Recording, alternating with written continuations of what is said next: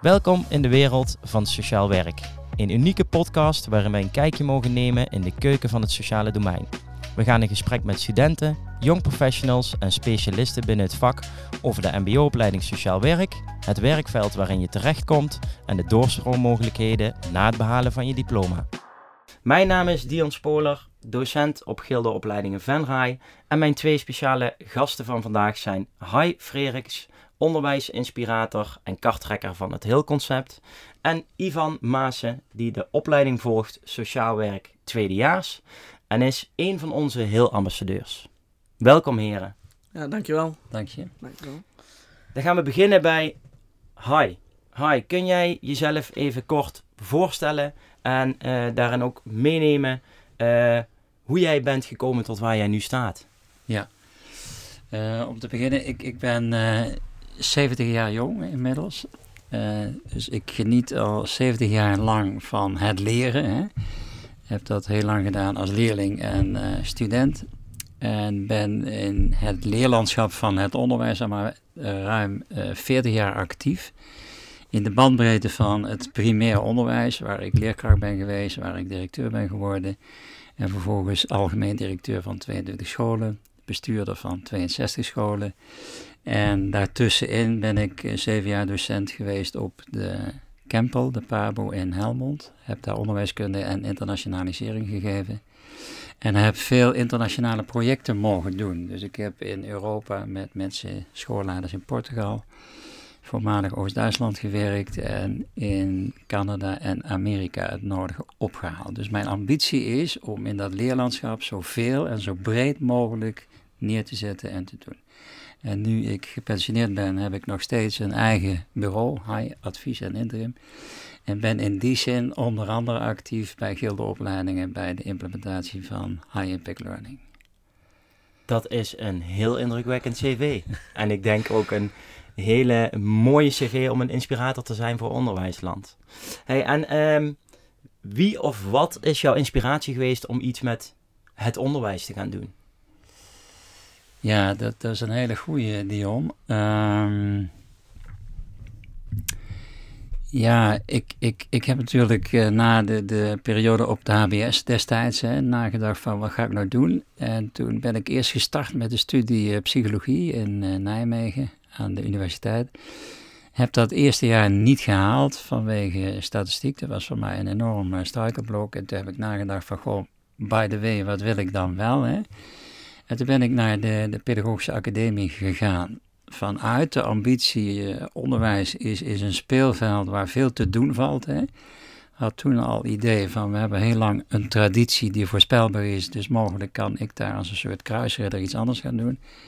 Dus dat heb ik gedaan en uiteindelijk dacht ik, nou ga ik wat terug om nog eens een keer die uh, studie psychologie af te maken. Dat, dat heb ik nooit gedaan. Dus ben in onderwijsland gebleven.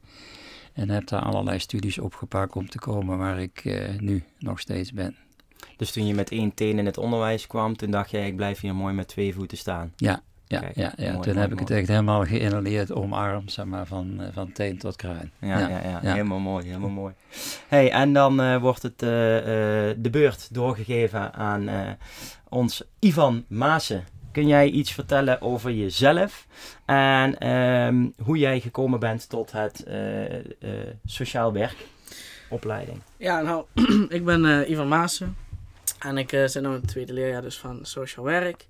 Ik ben momenteel aan het versnellen, dus, zodat ik iets eerder klaar ben, dus het werkveld in kan. maar tot ik ben gekomen tot sociaal werk is eigenlijk ehm, ja, tot eigen ervaringen. Ehm, ja, ik loop stage op een VSO, volksgezet speciaal onderwijs. En daar heb ik zelf ook op gezeten voordat ik naar gildeopleidingen kwam. Um, en ik heb daar veel, veel gezien en veel meegemaakt. En dat heeft mij keuze gegeven om hetzelfde te doen uh, als degene waar ik hulp van kreeg. Uh, dus door mijn ervaringen terug te gaan koppelen naar de jeugd die hetzelfde een beetje heeft gezeten zoals ik heb meegemaakt. En vandaar dat ik dus ja, hiermee bezig ben.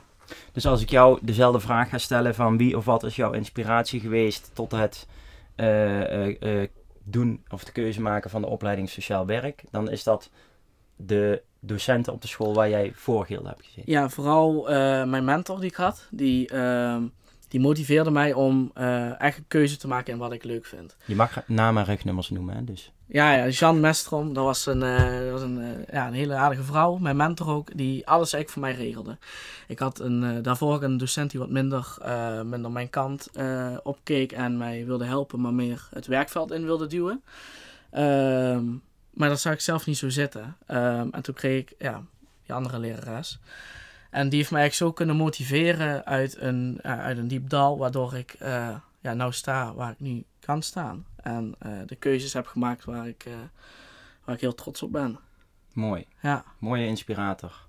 Zeker. Dan gaan we beginnen met het concept heel. Want ha, jij benoemde het net al heel mooi. Hè? Wij zijn een onderwijsland, hebben er altijd een handje van om hele mooie afkortingen uh, te verzinnen. Maar jij benoemde net al high impact learning. Kun jij ons eens meenemen in het heel concept? Wat, wat, is het? Wat houdt het in? Uh, waar staat high impact learning voor? En ehm, ja, inspireer ons daar eens mee. Ja, ja. even, even nog heel kort terug. Hè. Ik ehm, ik ken zelf een hele lange traditie in het onderwijs, in het leerlandschap. Heb daar voortdurend gezocht van hoe kan het anders. Hè? Dus die traditie heeft me wel altijd in de weg gezeten. Vanuit wij komen met een programma en de leerling en de student zit daarop te wachten. Nou, by the way, vaak is dat niet zo. Dus ik heb wel veel geëxperimenteerd met onder andere het werken met, met weekplanningen, met dagroosters, zeg maar, uh, leerlingen ruimte te geven om te kiezen keuzes te maken in de volgorde, in de inhoud. En uh, uiteindelijk um, kom ik in 2016 in aanraking met High Impact Learning That Last van Philip Docci. Ik had er nog nooit van gehoord. Dus, uh, en het is gebeurd, laat ik het even kort schetsen, bij Hoeve de Knol. werd daar uitgenodigd door zeven musketiers docent, coaches van Gilde die een nieuwe, nieuw concept aan het zoeken waren vanuit een urgentie, vanuit een behoefte, zeg maar. Dus niet van, goh, uh, geef ons iets en wij gaan dat doen, maar vanuit hun behoefte. In die zoektocht, daar ben ik terechtgekomen en gepolst van, goh, hi, zie jij dat zitten? Ja, dat, zie ik zitten en tegelijkertijd besef ik, ja, wacht even, heel van Philip Docci, ik heb er nooit van gehoord. Dus ik schaf het boek aan, de, de, de High Impact Learning bouwstenen. Ik uh, bestudeer dat en kom erachter dat daar heel veel ingrediënten in zitten die ik in mijn kruistocht al bij de hand heb gehad.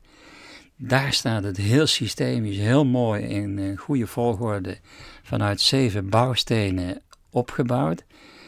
En voor mij is het, als ik het in een nutshell even zeg, hè, dan is het voor mij een een hele indrukwekkende kanteling in het leerlandschap. We gaan vanuit de, uh, de hele lange traditie naar de student en naar de leerling. Die zetten we op het podium, die zetten we voorop.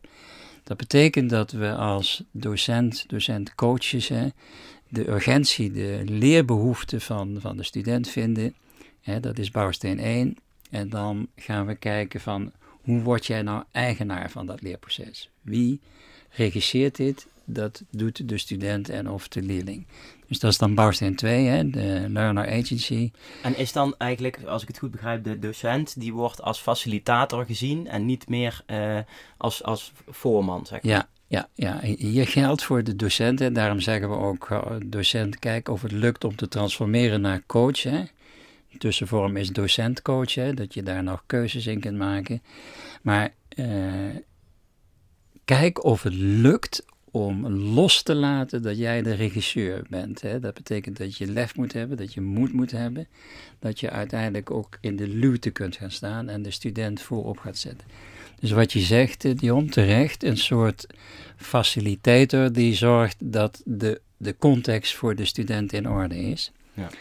En daar komt hij dan ook in de fase van, hè, dan kom je bij de andere bouwstenen waar hij keuzes gaat maken van, nou, ik, ik ga dat coöperatief doen, hè, met andere studenten samenwerken.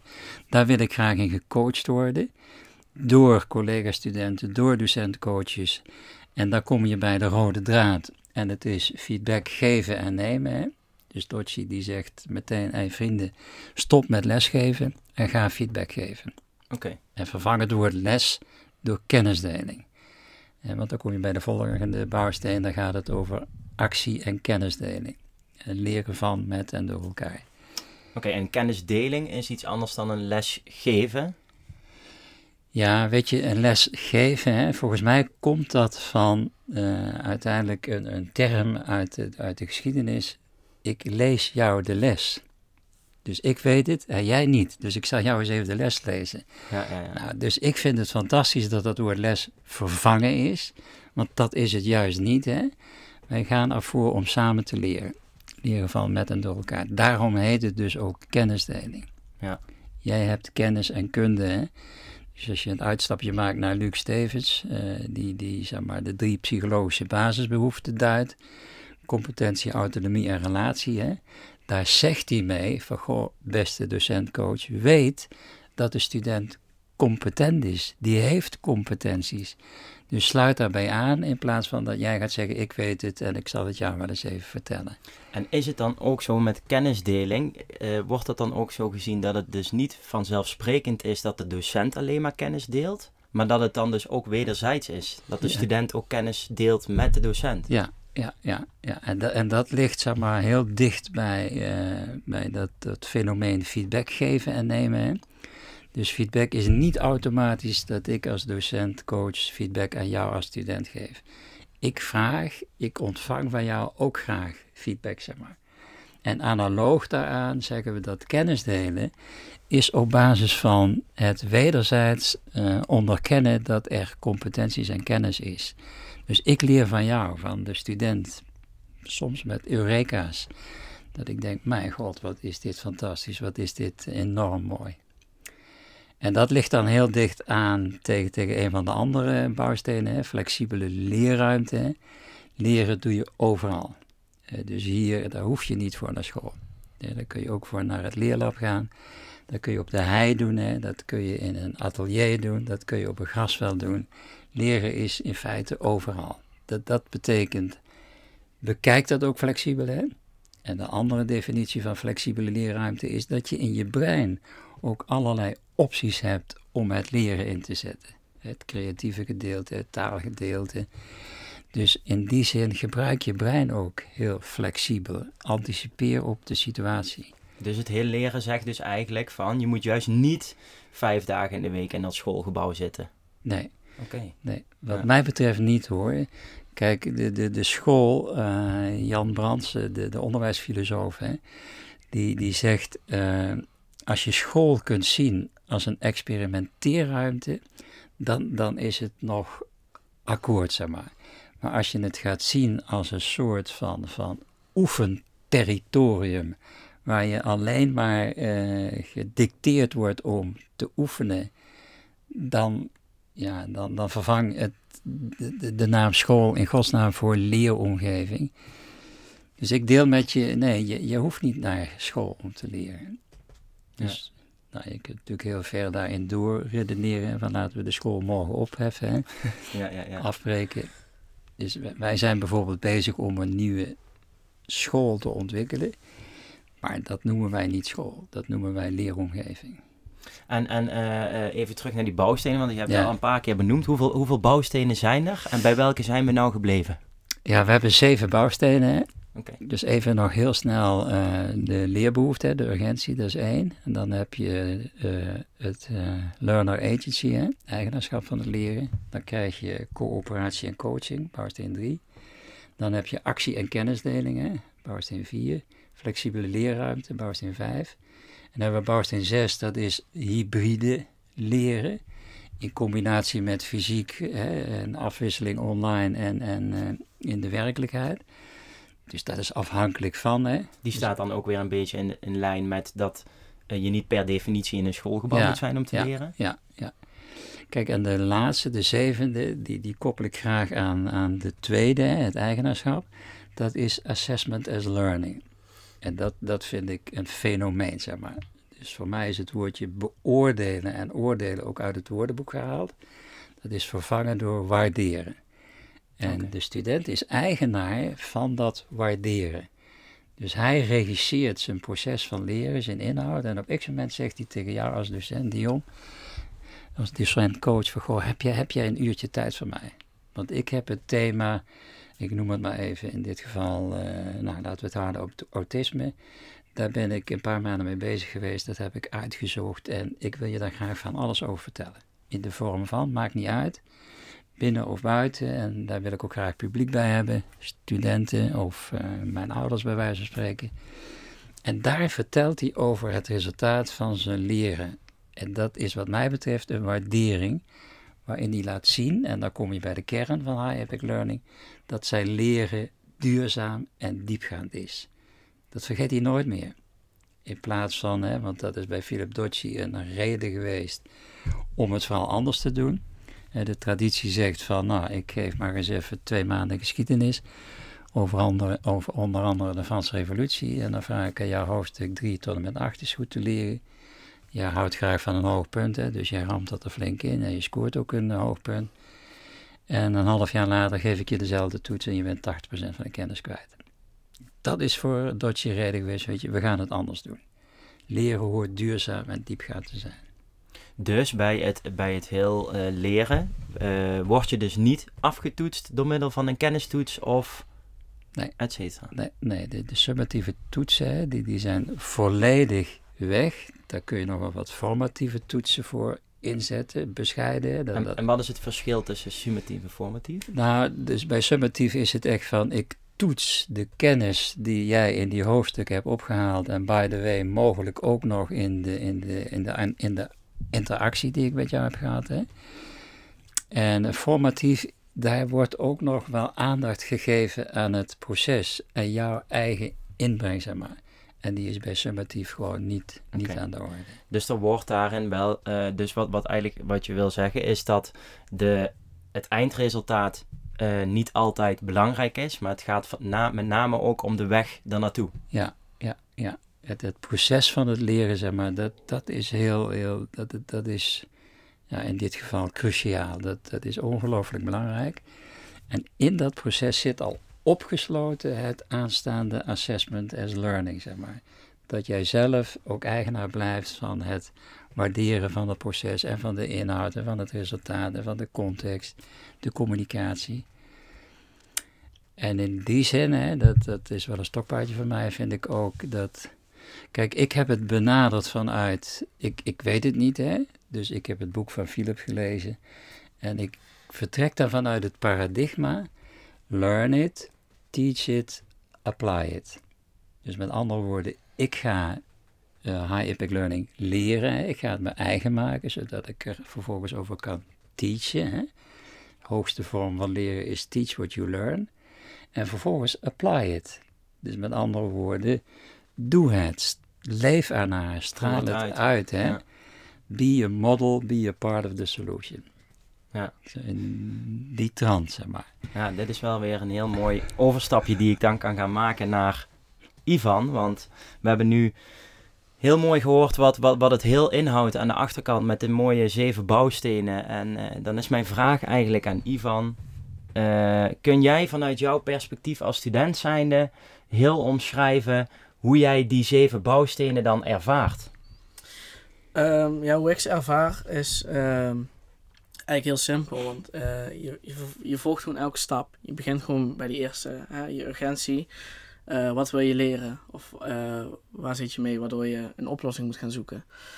En vanuit daar denk ik dus altijd. Dus ik begin altijd eerst bij die eerste stap, de urgentie. En, en is die urgentie dan ook, ligt dat in lijn met een stukje intrinsieke motivatie en wellicht ook nieuwsgierigheid? Zeker, zeker. Ja, um, wat ik heel belangrijk vind hierbij is ook motivatie. Kijk, motivatie is altijd belangrijk. Maar op school uh, en dus ook uh, in de kennisdeling is het, uh, ben je geïnteresseerd erin, krijg je ook die motivatie. Uh, maar je kiest ook voor een opleiding natuurlijk waar je zelf al geïnteresseerd in bent. Dus waar je ook steeds meer van wil gaan leren. dus ja, het begint wel bij motivatie. Ja. En die urgentie ontwikkelt dan zichzelf. Okay. want je wilt steeds nieuwe dingen leren. Ja, ja, ja. En, dan, en dan heb je iets waar, waarvan je denkt van... hé, hey, dit is wel mijn urgentie. Hè? Dus, dus neem een voorbeeld en neem ons verder mee.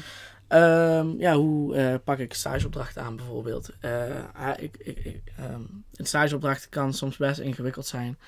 Um, maar eh, als je eenmaal ermee bezig bent, valt het dus wel mee. Natuurlijk komen er vragen naar boven. Dus ook die urgentie van hoe ga ik dit aanpakken? Of hoe kan ik het beste een plan van aanpak creëren? Dus daar begin ik dan mee. Dan ga ik mezelf afvragen, nou, hoe ga ik dit aanpakken? Uh, dus dat is die urgentie. Uh, ik schrijf het dan op. Hè? Nou, dit wil ik leren of dit wil ik weten. En dan ga ik aan de slag. En dan ga ik het eerst vanuit mijn eigen proberen. Hè? Dus dan ga ik kijken, nou, um, uh, dit is wat ik moet. Uh, wat kan ik vinden op het internet of in de boeken? Of, uh, dan ga ik op zoek. vanuit daar benoem ik mijn, ook mijn urgentie bij de docent. bij mijn coach Hilke. Ehm, en, en die denkt met mij mee. dus ik zorg ook dat ik bemensing heb daarmee van... Oké, ik hoef niet per se alleen te doen, maar ik kan het ook anderen erbij nemen om te kijken van... Hè, ehm, hoe kan ik dit best aanpakken? Maar ook medestudenten uh, vraag ik ook altijd om raad. want, die leren voor hetzelfde en die zijn ook geïnteresseerd in die vragen. Dus die kunnen ook samen goed naar kijken. Dus je kunt elkaar motiveren daarin. Ja. Dus, je, dus je, kiest een, je kiest een onderwerp, dat is je urgentie. En daarna ga je uh, bij verschillende mensen in je omgeving aanha die aanhaken bij jouw urgentie. Van hey, dit uh, wil ik gaan doen en ik heb bijvoorbeeld dit en dit en dat nodig. Zeker. Okay. Ja. Ja, dan dat kan verschillen waar ik dat ook doe. Kijk, ik kan het in de kennisdeling doen als ik op school ben, maar ik, uh, regelmatig doe ik ook op stage. En ik mijn, uh, mijn uh, stagebegeleider, vraag ik Harry Hoendervangers is dat. Die vraag ik van, hoe, kan, hoe doen jullie dit op stage? Hoe, hoe werken jullie met een plan van aanpak? Of, dus ik, ik zorg echt voor dat ik verschillende ideeën krijg, dat ik echt zeker weet waar ik mee aan de slag kan gaan. En vanuit daar uh, beloop ik elke stap totdat ik uh, bij de, ja, wat je net ook benoemd, de mooiste uh, assessment is learning. ja, gewoon daarmee bezig zijn om daarna te kijken, wat heb ik gedaan, hoe goed heb ik het gedaan. En daar een dialoog over te gaan. En zo kom ik er zelf ook achter van, oké, dit heb ik goed aangepakt, zo kan ik het verder blijven doen.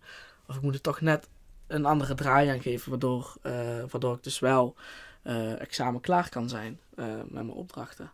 Want uh, de assessment as learning vind ik wel een hele interessante. Want, want vond jij het niet heel erg moeilijk dan om te accepteren dat je in één keer geen cijfer meer kreeg? Nee, want ik ben nooit echt van de toetsen geweest. het motiveerde mij ook niet om. Kijk, het was mooi om een mooi punt te halen. vooral op de middelbare school heb ik dat gehad. Um, maar ja, daarna uh, maakt het toch niet meer uit. Als je die 7 had gehaald, nou ja, prima. En maar wat je had geleerd, wat ik heb geleerd op de middelbare school, dat hoef ik nou niet meer uh, te zeggen. Want dat, dat is niet echt bijgebleven. Uh, het motiveerde niet. Als je dan die 5,5 had gehaald, dan dacht je, nou ja, ook een voldoende. En als je net die onvoldoende had gehaald, maar je had wel hard geleerd, ja, dat demotiveert ook weer. Dus daarom, toen ik dit concept hoorde, was ik eigenlijk gelijk verkocht. Uh, ik, ik, vind het juist een mooie manier. Uh, want je, ja, je bent constant met mensen in dialoog erover. Uh, je bent echt op onderzoek uit. en wat ik daar een mooie bij vind is ook, je hebt ook verschillende zones daarmee. je hebt je, je comfortzone, je hebt je leerzone en je hebt je paniekzone. en waar ik altijd dus voor zorg is om die leerzone in te stappen. Want dan, dan, dan, dan creëer je je eigen ontwikkeling beter. En dat wordt ook heel mooi bij het heel concept gebruikt. Uh, want als je die leerzone instapt, dan, dan, dan, dan krijg je alles mee. Dan ben je goed bezig. Uh, je bent hard, hard bezig om jezelf te ontwikkelen. Als je die comfortzone instapt, dan, dan leer je ook niet. Dan, dan ben je nergens mee bezig, want dan is het prima, dan voel je je goed. Maar eigenlijk is het helemaal niet goed, die comfortzone. En vanuit daar kun je dus ook die paniekzone in raken. Want je kan achterlopen of je kunt dingen missen. Dus ja, die, die twee moet je eigenlijk kunnen vermijden om die leerzone in te kunnen stappen. En, en, en hoe, hoe kun jij er bij jezelf dan voor zorgen dat je zo'n leerzone instapt? Want, want het, het, het is heel makkelijk om dat te zeggen. maar het lijkt me best moeilijk om dat ook uiteindelijk te gaan doen. Ja, ik waar ik mee begon door die urgentie uh, op te zoeken. Okay, zo ben je dus constant aan het leren. Je bent constant op zoek naar antwoorden naar jouw vraag. Dus door de urgentie op te zoeken, uh, creëer jij je eigen motivatie om in die leerzone te stappen. En betekent dat dan ook dat als jij in die leerzone zit, dat je dan ook niet in die paniekzone kan raken? Of? Uh, ik noem het dan niet een paniekzone. Ik noem, uh, je bent dan meer op zoek. Dus je bent die nieuws, nieuwsgierigheid aan het opzoeken. En dat kan natuurlijk wel voor een beetje paniek uh, zorgen. Maar ja, ik zie dat niet eigenlijk als paniek, maar juist meer om oplossingen te zoeken. En je bent echt bezig om oplossingen te zoeken. Dus je bent bezig in die ontwikkeling door daar zelfstandig, mocht er een probleem ontstaan bijvoorbeeld in het werkveld, dat je niet gelijk in paniek raakt en alles aan de kant schuift, maar dat je juist gelijk die, die oplossingen gaat zoeken, die antwoorden ervoor gaat zoeken. En dat begint weer bij die urgentie. Ja, ja, ja. Ja, dus eigenlijk eh, als je dan een soort paniek eh, eh, krijgt, wat jij eigenlijk geen paniek noemt, is het een beetje zo'n wrijving biedt glans. Dus dat biedt juist weer mogelijkheden om goed de diepte in te gaan en verder na te denken over bepaalde problematieken. Zeker. Oké, en even terug naar Hai. Is dit ook iets wat jij um, terugziet bij studenten? Dat je dat vaak ziet gebeuren? Dus die drie fases waar Ivan het over heeft. zie, zie je dat ook gebeuren binnen het heel concept? Ja, uh, en wat me triggert zeg maar, in, in de reflecties van Ivan, onder andere, is dat hij zegt: die paniekzone, dat, dat, dat is voor mij niet echt een vorm van paniek. Want ik zoek voortdurend naar oplossingen. En daarmee zegt hij, en dan schurkt hij aan tegen het model van de creatieve actiemethodologie van KAM afgekort, dat is van Paul Delno, die vertrekt vanuit het gegeven dat ons brein is voortdurend gericht op oplossingen is gericht, is oplossingsgericht. Dus dat, dat is wel heel mooi dat je dat zo nuanceert. Ik voel geen paniek, maar ik vertrek vanuit mijn brein waarin ik zoek naar oplossingen. Dus even terug naar jouw vraag van, goh, zie, zie ik dat bij studenten? Op het moment dat studenten er in de, in de interactie, zeg maar, in slagen om heel concreet aan te geven, wat is mijn behoefte, mijn urgentie, wat wil ik leren, dat dat dan uiteindelijk min of meer uh, vanzelf oversteekt naar die leerstand. Hè? Omdat die intrinsieke motivatie en inspiratie gevoeld wordt. Van ik wil iets weten over de infrastructuur in deze wereld bijvoorbeeld. En van hoe kan het nou dat, dat, dat hier 50 miljoen kinderen in oorlogsgebied en dagelijks honger hebben? Ik wil daar meer over weten. Dus dat is gevoeld vanuit die behoefte. En daarmee is automatisch die leerstand in, in actie. Ja. Dus ik, ik zie dat bij studenten en, en, en merk ook dat, uh, omdat ze weten dat we niet vanuit de traditie vertrekken, hè, van ik weet het, ik kom het naar jou toe brengen, dat ze dat eigenaarschap in feite vanaf moment één als het ware in gaan zetten. Ja, ja, ja.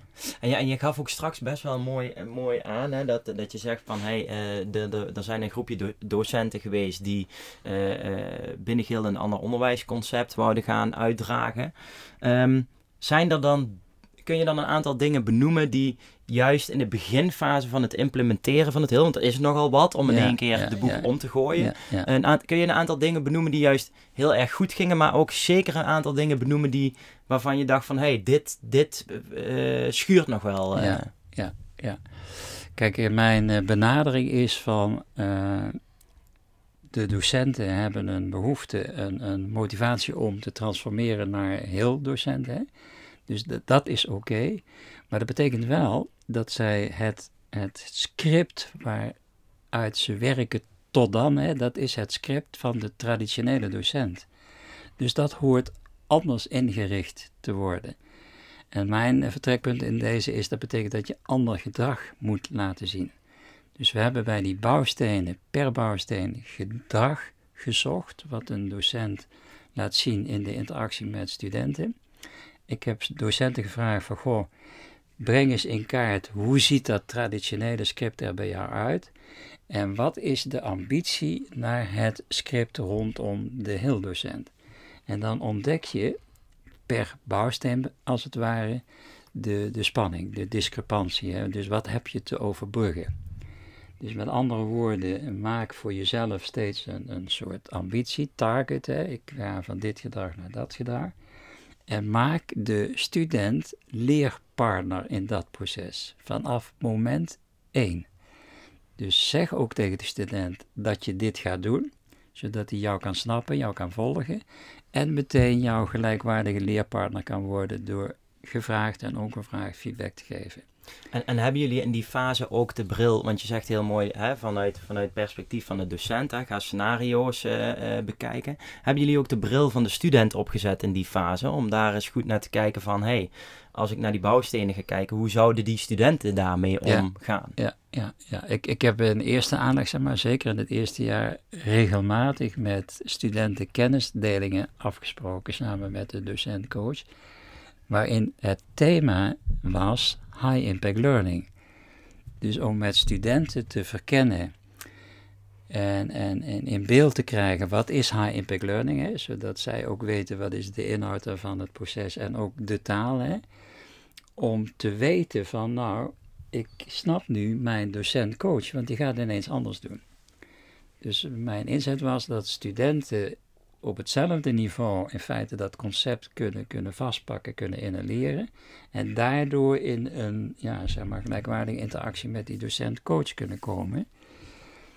En dat is natuurlijk uh, even wennen, want, want studenten worden dan gezien als gelijkwaardige leerpartners, die uh, vooral gevraagd worden: geef feedback, hè, doe dat goed. We hebben daar ook een aantal concepten laten zien van hoe kun je dat nou uh, goed doen. Maar dat is wel even wennen geweest. En als je vraagt van, goh, wat, wat ging dan minder? Hè? Als ik het nog een keer zou mogen doen, dan zou ik uh, veel meer uh, observaties afspreken. Dus ik heb een aantal Meetpunten keer, eigenlijk. Ja, ja, en dat je dus, dat, dat uh, bijvoorbeeld Barbara in dit geval, goh, hi, kun, kun je eens een kennisdeling met me meemaken? Hè? Dus dat jij observeert van wat gebeurt hier, wat doen we? En mijn houding was dan altijd van, goh, dat doe ik, Barbara. Alleen als je het oké vindt dat we de kennisdeling af en toe stilleggen. Dus even een time-out vragen. Ja. En dan met de studenten reflecteren van wat hebben we nou gedaan en wat is oké en wat vraagt nog om wat, wat aanpassingen. Dus eigenlijk het stukje feedback ophalen. Ja, ja, ja. ja, Dus gelijkwaardige kennisdeling en dat, dat ja, wat je zegt, uh, dat, dat fenomeen feedback optimaal inzetten. Ja. En daar heb ik feestjes gezien. Echt fantastisch. En ik vind dat dat te weinig gebeurd is. Dus dat ik dat te weinig gedaan heb. En waarschijnlijk ook te weinig aangemoedigd dat docent-coaches dat met elkaar gingen afspreken. Uh, Dion van goh, kun jij eens even bij Ivan een kennisdeling observeren, meedoen, hè, samen. Ja. Dus dat is feedback by walking and talking around. Dus eigenlijk, eh, als ik het goed begrijp, hè, daar hebben we nou feedback al een paar keer eh, horen vallen, eh, is dat een heel groot onderdeel van het stukje ja. uh, heel leren. Ja. ja. En als ik dan kijk naar uh, Ivan bijvoorbeeld, als je, kun jij mij eens vertellen en ook misschien gekoppeld aan het stukje feedback, wat heeft, wat heeft het heel leren jou in jouw opleiding gebracht en in jouw ontwikkeling? in mijn ontwikkeling heeft heel veel gebracht. Um, Ik, uh, ik weet nog toen, goed toen ik het uh, de eerste keer zag, uh, werd ik gevraagd door Janske Kasteleins om, om eens een kijkje te nemen in het heel concept. Want ze vonden het wel echt bij mij passen.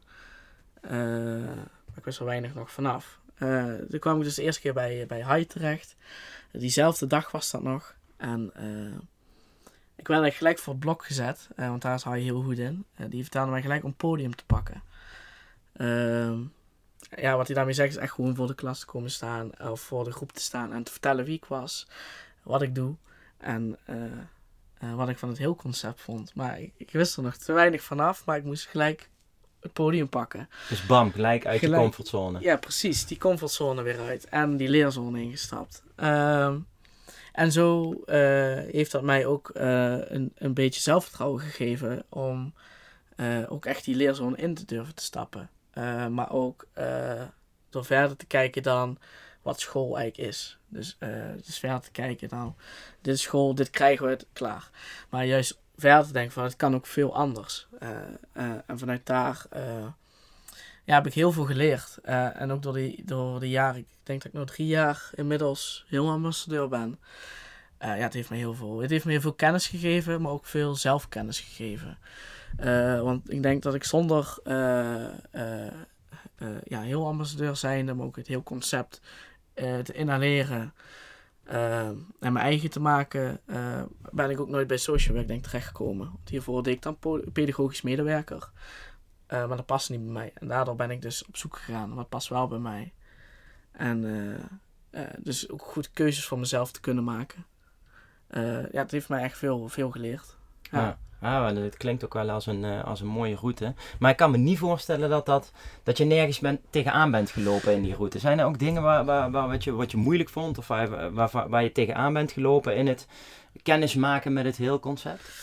Uh, eigenlijk viel het wel mee. Ik, ik, ik, ik heb heel veel, uh, heel erg moeten wennen aan het, aan het, het concept op het begin. Want uh, het, was, het was toch anders dan ik gewend was. Want ik kom toch uit, het, uit de toetscultuur, uit de puntencultuur.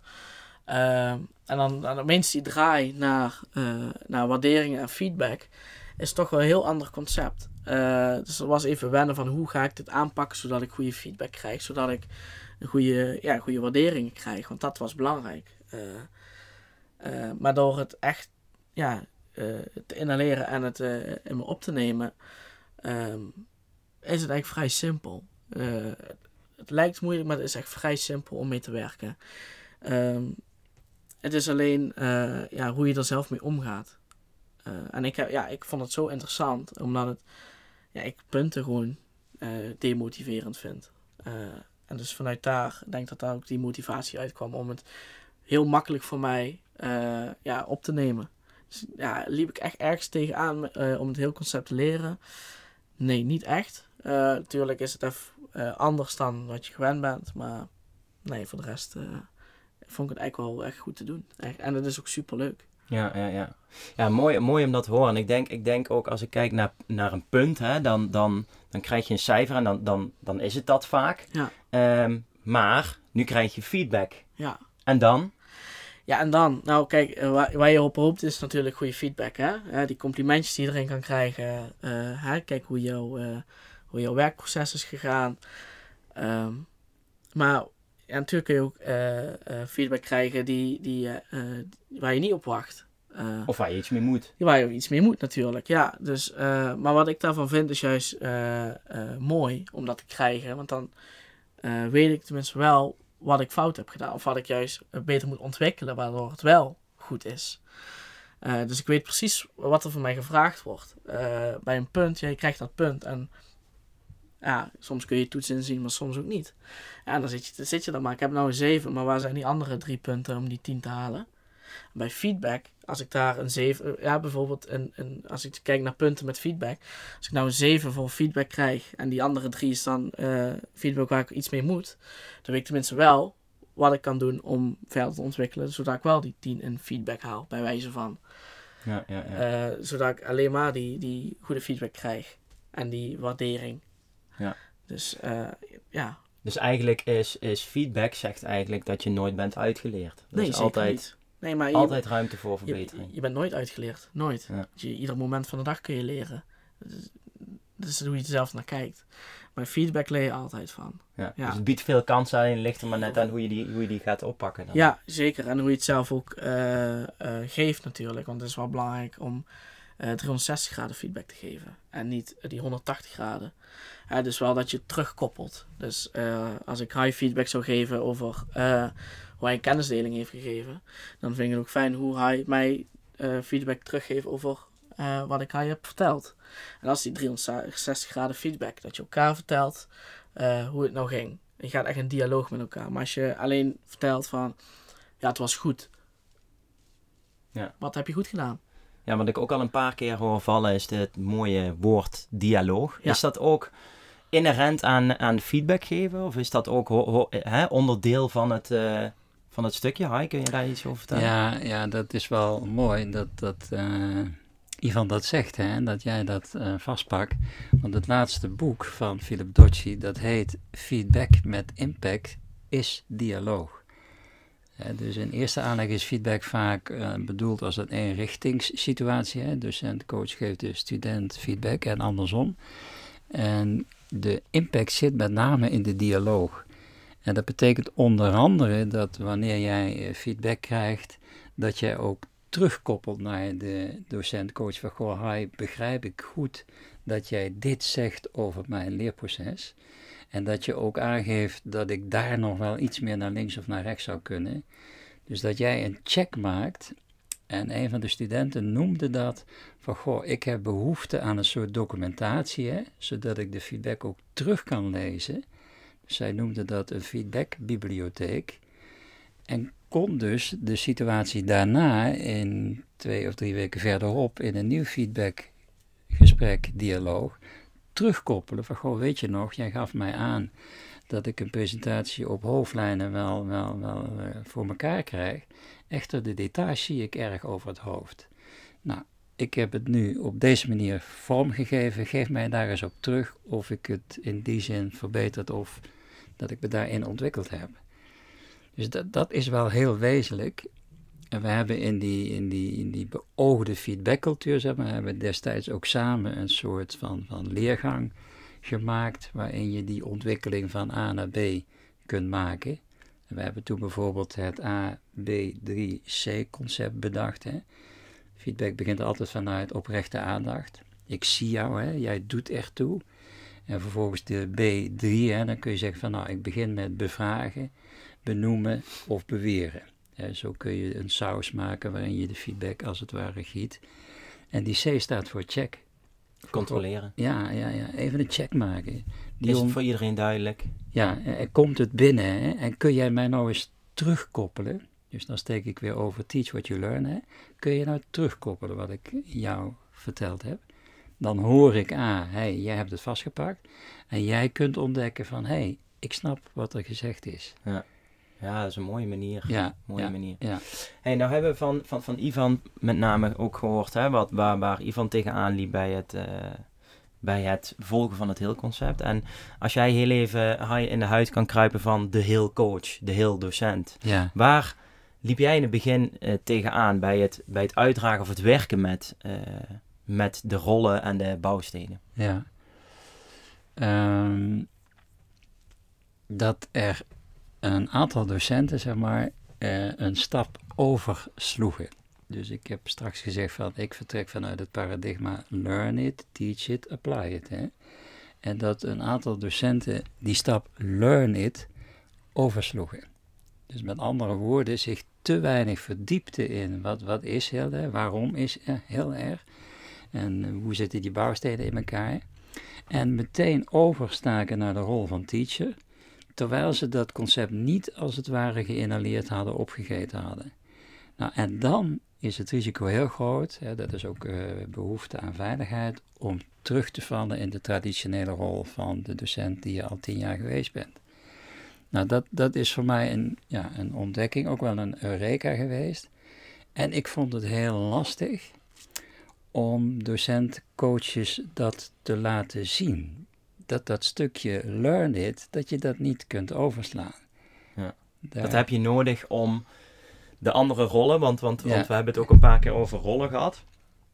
Uh, in die eerste fase, hè, dan ga je ontdekken van wat is heel, maar welke rollen van de docent passen daar dan bij. Kun je daar iets over vertellen? Van, want ik kan me voorstellen in dit mooie vrije concept dat het best wel wat vraagt ook van de, docent-coach. Uh, uh, en dat het niet voor iedereen per definitie is weggelegd. Dus, dus kun je daar iets over vertellen wat dan precies de rollen uh, en de kwaliteiten zouden moeten zijn van een, van, van een ja. heel docent-coach? Ja, ja, Kijk, het, even in de fases denken. Hè. Het begint in een soort oriëntatie. Hè. Dat was die zoektocht. Dan krijg je een introductie. Het gaat heel worden. Hè.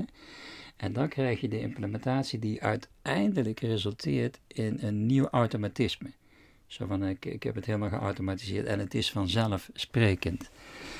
En daar ontdekte ik dat, dat bij. Uh, en welke kwaliteiten heb je dan als docent, coach nodig? Hè? Dat begint met het kunnen loslaten van een traditie, van een curriculum, van een programma wat ik gewoon naar jou kon brengen. Dat laat ik los. En het hebben van vertrouwen. Vertrouwen hebben in dat een student bereid is om in die leerstand te gaan en te zoeken naar zijn urgentie en de behoefte. Dus die kwaliteiten van docentcoaches, die, die zijn heel belangrijk om A, die te onderkennen en van jezelf te weten waar zit ik dan hè? en hoe kom ik nou tot die, die rol waarin ik daar een soort van excellentie word. Vanzelfsprekend hè. En dat vanzelfsprekende, dat, dat komt dan op het niveau van het nieuwe automatisme. Ik hoef niet meer na te denken, het gaat vanzelf. En in het begin is het heel erg van, oh ja, hoe zit het ook alweer? Hè? Een soort spoorboekje bij je hebben. Oh ja, eerst even de urgentie opzoeken. Nou, die kwaliteit eh, van het kunnen loslaten en het vertrouwen hebben in de student, die hoor je bij jezelf heel goed te ontwikkelen om dat te kunnen. Ja, ja, ja. Ja dat lijkt me ook niet altijd even makkelijk. Want, Nee, want Ivan, nee. kun jij eh, vanuit jouw perspectief als student eh, iets vertellen over eh, hoe jij de rol van de docent ziet, maar vooral ook zeker ervaart binnen het, eh, binnen het gilde en het onderwijsconcept heel? Ja, hoe ik het ervaar is, ehm, er zijn veel eh, docenten, uh, docentcoaches die er echt, echt mee bezig zijn. Dus die echt die rol instappen als docent-coach of alleen als coach. Ehm, en er zijn er ook een paar natuurlijk die, die, die er wat minder van eh, eh, gebruik van maken. Ehm, met name ook vaak eh, docenten van generieke vakken. Eh, want die zijn echt nog van, ja, eh, dit moet geleerd worden. En die toets moet gemaakt worden. Ehm, Generieke vakken, dat zijn dan? ja, ja, Nederlands, Engels rekenen vooral. Die ik, eh, die ik eh, ja. En ja, die, die zijn vooral waarbij ik dan denk van ja, er had wel iets meer eh heel concept van gebruikt kunnen worden.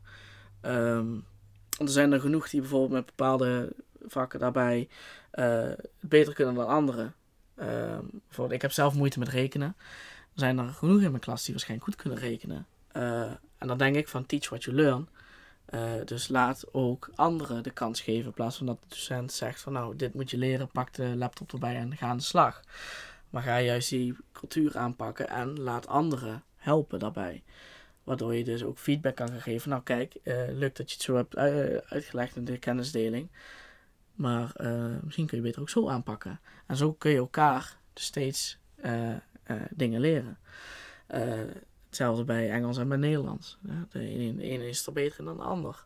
En ik denk als je het in, in, bij die vakken zo zou kunnen aanpakken, dat het al een stuk beter overkomt. Want nu heb je echt weer van de les lezen meer, hè? lesgeven, de les lezen. In plaats van dat je een kennisdeling biedt. Oké, dus, dus eh, als, we, als we gaan kijken naar wat, wat nog een volgende stap zou kunnen zijn om het heel eh, nog beter te implementeren in, het, eh, in de opleidingen, is de, de generieke vakken, Engels, rekenen, Nederlands, beter betrekken in het eh, uitdragen van het, van het heel concept. Ja, zeker. Want eh, als ik kijk naar mijn mentor Hilke dan en naar eh, Marco bijvoorbeeld, die, die hebben het echt ontarmd en die gebruiken ook echt de producten die wij maken in een kennisdeling. Wij zijn merendeels van de tijd in de kennisdelingen elkaar aan het teachen. Dus wij zijn elkaar aan het eh, uitleggen wat wij eh, hebben gedaan. Dus ook in een assessment eh, gaan wij in een groepje bij elkaar zitten en laten zien wat onze producten zijn, wat we daarvoor hebben gedaan. En dus dat is ook weer teach what you learn. Dus ik, ik laat zien wat ik heb gedaan, zodat anderen daar weer van wat kunnen opsteken. En andersom ook weer precies hetzelfde. Kijk, en dat is gewoon een fijne manier. Maar ja, door wat ik net zeg bij die, bij die andere vakken, is dat dus echt ja, van belangstelling dat je ook anders gaat aanpakken, zodat je van anderen gaat leren. En niet dat je alleen een docent hebt en de, en de studenten, maar dat dat weer één geheel wordt. Net als bij, eh ja, bij, eh bij Hilke en bij Marco bijvoorbeeld. Ja, ja, maar Ja. ik hoor je nou ook assessment eh, eh, zeggen, hè? want kun je daar iets over vertellen? Hoe ziet dat eruit en hoe, hoe vaak krijg je dat? Krijg je dat elke week of, of hoe, hoe eh, neem ons daar eens even Ja, je in? zou het elke week kunnen krijgen, een assessment. Eh, maar dus, assessment is echt om te kijken in hoeverre jij bent. En hoe ver jij jouw producten hebt. en hoe jouw ontwikkeling is verlopen de afgelopen periode bijvoorbeeld. Ja, vaak wordt het periodiek gedaan. Dus je hebt vier periodes in het schooljaar. Eh, en in die periodes wordt dus altijd wel een assessment afgenomen. Maar eh, ben jij sneller dan anderen of heb jij meer af? Eh, moet, het moet gecontroleerd worden. En je, je moet ook kunnen aantonen wat je hebt gedaan. Dus het zou ook bijvoorbeeld wekelijks kunnen. Wat ik dan, ik loop dan meer dagen stage dan mijn medestudenten. Ehm, omdat ik dan, eh, omdat ik al redelijk wat af heb qua eh, de generiek vakken. Die zijn afgerond bij mij, dus ik hoef alleen maar stage af te ronden. Ehm, ja, ben ik echt maar één dag op school en ben ik wel bezig om mijn producten te laten zien. Dus daar ben ik wel bezig met een assessment. Eh, en daarbij zitten dan ook vaak medestudenten erbij. Om echt, ja, die kunnen dan dingen weer van mij leren. Dus echt weer teach what you learn breng ik dan weer terug naar mijn studenten om ook hun die stappen te laten zetten, zodat ze ook uh, mooi hun product af kunnen maken. Maar andersom doen hun dat dan ook bij jou? Ja, ja, ah, ja. dus we zitten dan, je, er wordt dan bijvoorbeeld een groepje gemaakt van drie, drie studenten en uh, de, de, en de docent coach dan. En dan zijn we elkaar gewoon eigenlijk aan het, uh, aan het coachen. En ja, dit heb ik gedaan, zo heb ik het aangepakt. En dan laten, we, laten de anderen zien, van, ik heb het zo gedaan en zo aangepakt. En dan kun je feedback op, ja, dan geef je dan later naar feedback op. En dan je ook weer feedback terug. dus je, geeft feedback en je krijgt weer terug. en dat is gewoon een fijne manier, want zo leer je meer dan dat je alleen zelf dingen doet. Dus je bent echt bezig naar wat anderen doen. En kan ik dat gebruiken of kunnen anderen dat juist veel van mij gebruiken? En ja, dat, dat, kan iedere week en dat kan periodiek. Dus dat kan ook om de maand. Dus het ligt er heel aan in hoe snel jij bezig bent met jouw producten te maken. Oké, okay, ja. mooi. Hey, en, en uh, als ik kijk naar het heel concept en, en ik hoor jou nou zo praten, dus het heeft, heeft jou al veel gebracht en je hebt er al Zeker. veel uitgehaald. Maar als jij nu kijkt, want jij, jij zit nou in leerjaar 2, je ja. gaat nou dadelijk naar leerjaar 3, dat is je laatste jaar. Klopt. Wat wil jij nog echt uit jezelf, maar ook hè, in, in, samenwerking met het heel concept, wat wil je nog uit, eruit halen? Nou, waar ik nou mee bezig ben, is uh, een leuke opdracht op stage. Ik ben, uh, ben gaan vergelijken met mijn VSO waar ik op heb gezeten, mijn speciaal onderwijs. En ik ben die gaan vergelijken met mijn stageplek. Uh, van hè, wat, wat had ik daar en wat heb ik op stage? En wat doen hun wel en wat doen hun bijvoorbeeld niet? En ik ben dus echt op onderzoek uitgegaan van wat mis ik en wat kan ik bieden. Dus ik werk ook aan de kwaliteit van stage. Uh, en daarbij ben ik erachter gekomen dat er, dat er een plek mist waarbij de jeugd terecht kan als de emmer vol loopt. ik werk dan even loop stage op het speciaal onderwijs. Uh, en als jeugd met verschillende soorten problematieken natuurlijk. Uh, ook zit daar een, een, een, een woongroepen bij. Dus er zit ook jeugd die daar intern zit. Uh, ja, die kunnen het soms af en toe best wel zwaar hebben. Ehm, en dat heb ik zelf ook meegemaakt. Bijvoorbeeld, je kunt dan uh, thuissituatie kan niet goed zijn. Uh, dan heb je ook nog een therapie op een dag, waar het misschien niet lekker loopt. Dan moet je ook nog verplicht naar, uh, naar het speciaal onderwijs, waar je eigenlijk helemaal niet naartoe wil, want je wil naar een normale school. Hmm. Uh, ja, en dat kan allemaal voor problemen zorgen, waardoor de emmer vol raakt. En toen ik op het speciaal onderwijs zat, was er wel een plek aanwezig waar ik terecht kon als het even niet goed ging. En dan bleef ik dan een half uurtje tot een uurtje. Ging ik of praten met die vrouw. Of dan ging ik uh, creatief bezig zijn. Dus even tekenen. Want dat doe, ik heel graag. Uh, en dan ging ik weer terug het dagrooster in. Maar op mijn stage miste dat die plek. En dat heb ik dus benoemd bij de coördinator daarvan. Nou, ik zie dit en dit. Uh, maar ik mis, ik mis wat. en ik, ik, hoop dat ik dit voor jullie kan gaan bieden. Ik heb het idee een beetje uitgewerkt. kijk, wat, wat vind je ervan? Ja, ze vonden het een ja, super mooi idee. Uh, dus wat ik heb gecreëerd is dat lokaal. Ik heb een lokaal gekregen waar ik uh, uh, zelf kan gaan zitten dan. En waar ik dus bepaalde momenten van een dag jeugd mee naartoe kan nemen om even terug te relativeren. om te kijken wat is er gebeurd. Of individueel aan huiswerk te werken. Of een rondje te wandelen. Of dat ze even die rust kunnen pakken en weer terug de dagrooster in kunnen. In plaats van dat ze weglopen van school. Ja, ja. Ja, en dat, dat, dat, is, waar ik echt mee bezig ben. En dat is ook echt wat ik wil. Uh, die, die begeleiding bieden. En ja, dat is dus echt waar ik uh, vooral mee bezig ben op het moment. En waar ik dus ook wel, uh, als ik daar klaar ben met school, mijn baan van zou willen maken.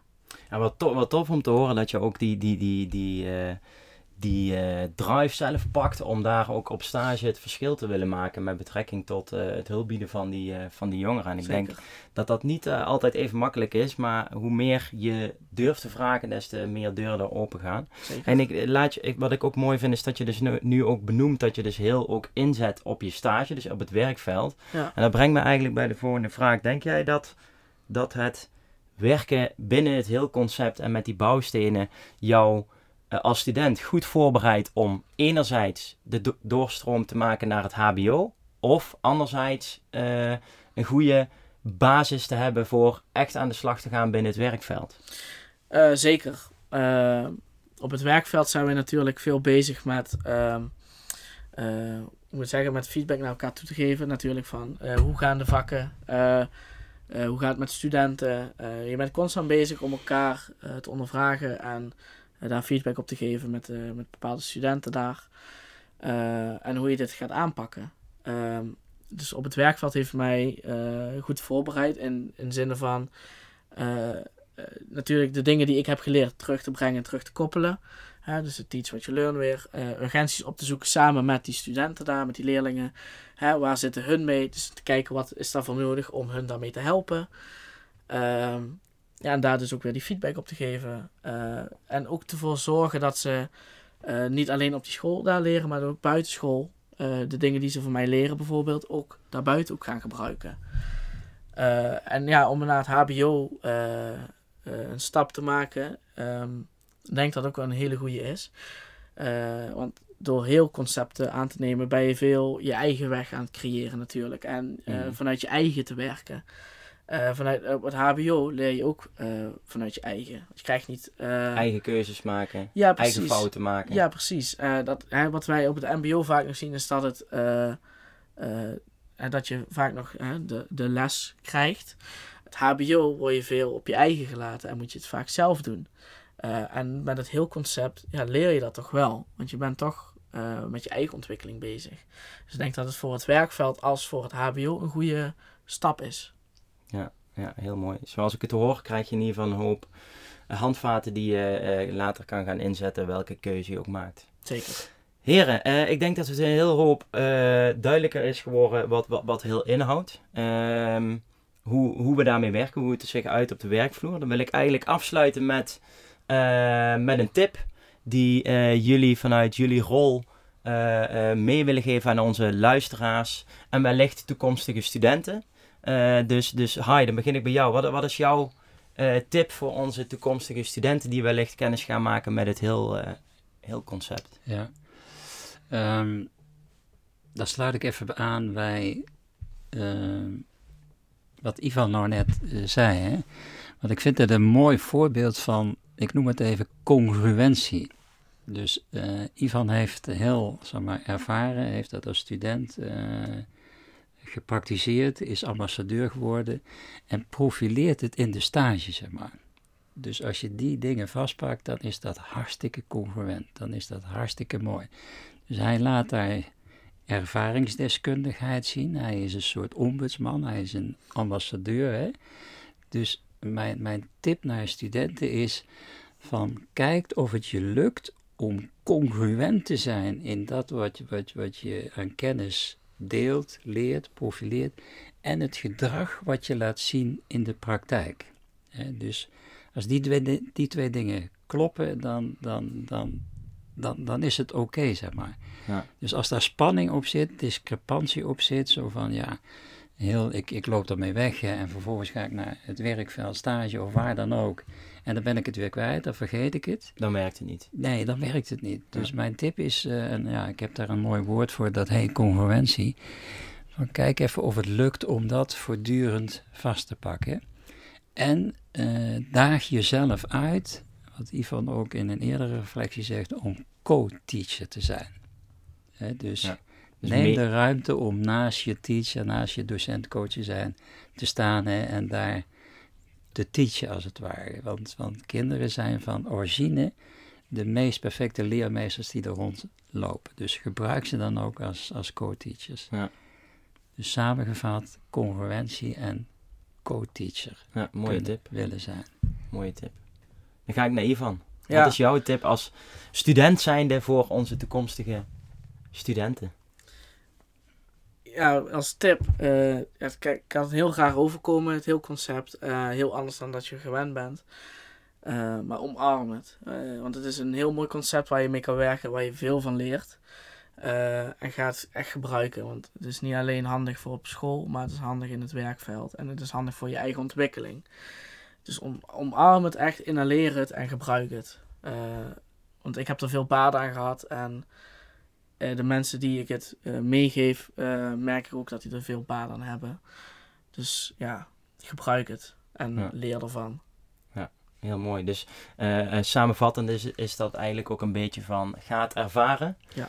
loop tegen dingen aan. Het is niet erg, maar haal daar je leerrendement uit en probeer het te ademen. Zeker. Laat het onderdeel zijn van je eigen leerproces en van jouw leerroute. Ja, ja. Heren, dank jullie wel voor eh, jullie tijd, jullie eh, openhartigheid en eh, voor dit mooie gesprek. Yes. Graag gedaan. Ja, jij ook heel erg bedankt. Wederzijds, ja. Ik, ik ervaar het als een eh, leerrijke dialoog met impact. Kijk, Hier, deze setting. Dus Zeker. dit is een kennisdeling bij Tot je welste. mooier Ja. kunnen we niet afsluiten. Bedankt voor het luisteren. Ik hoop dat jullie het leuk hebben gevonden. En mocht je meer informatie willen, ga dan naar de website www.gildeopleidingen.nl en tot de volgende.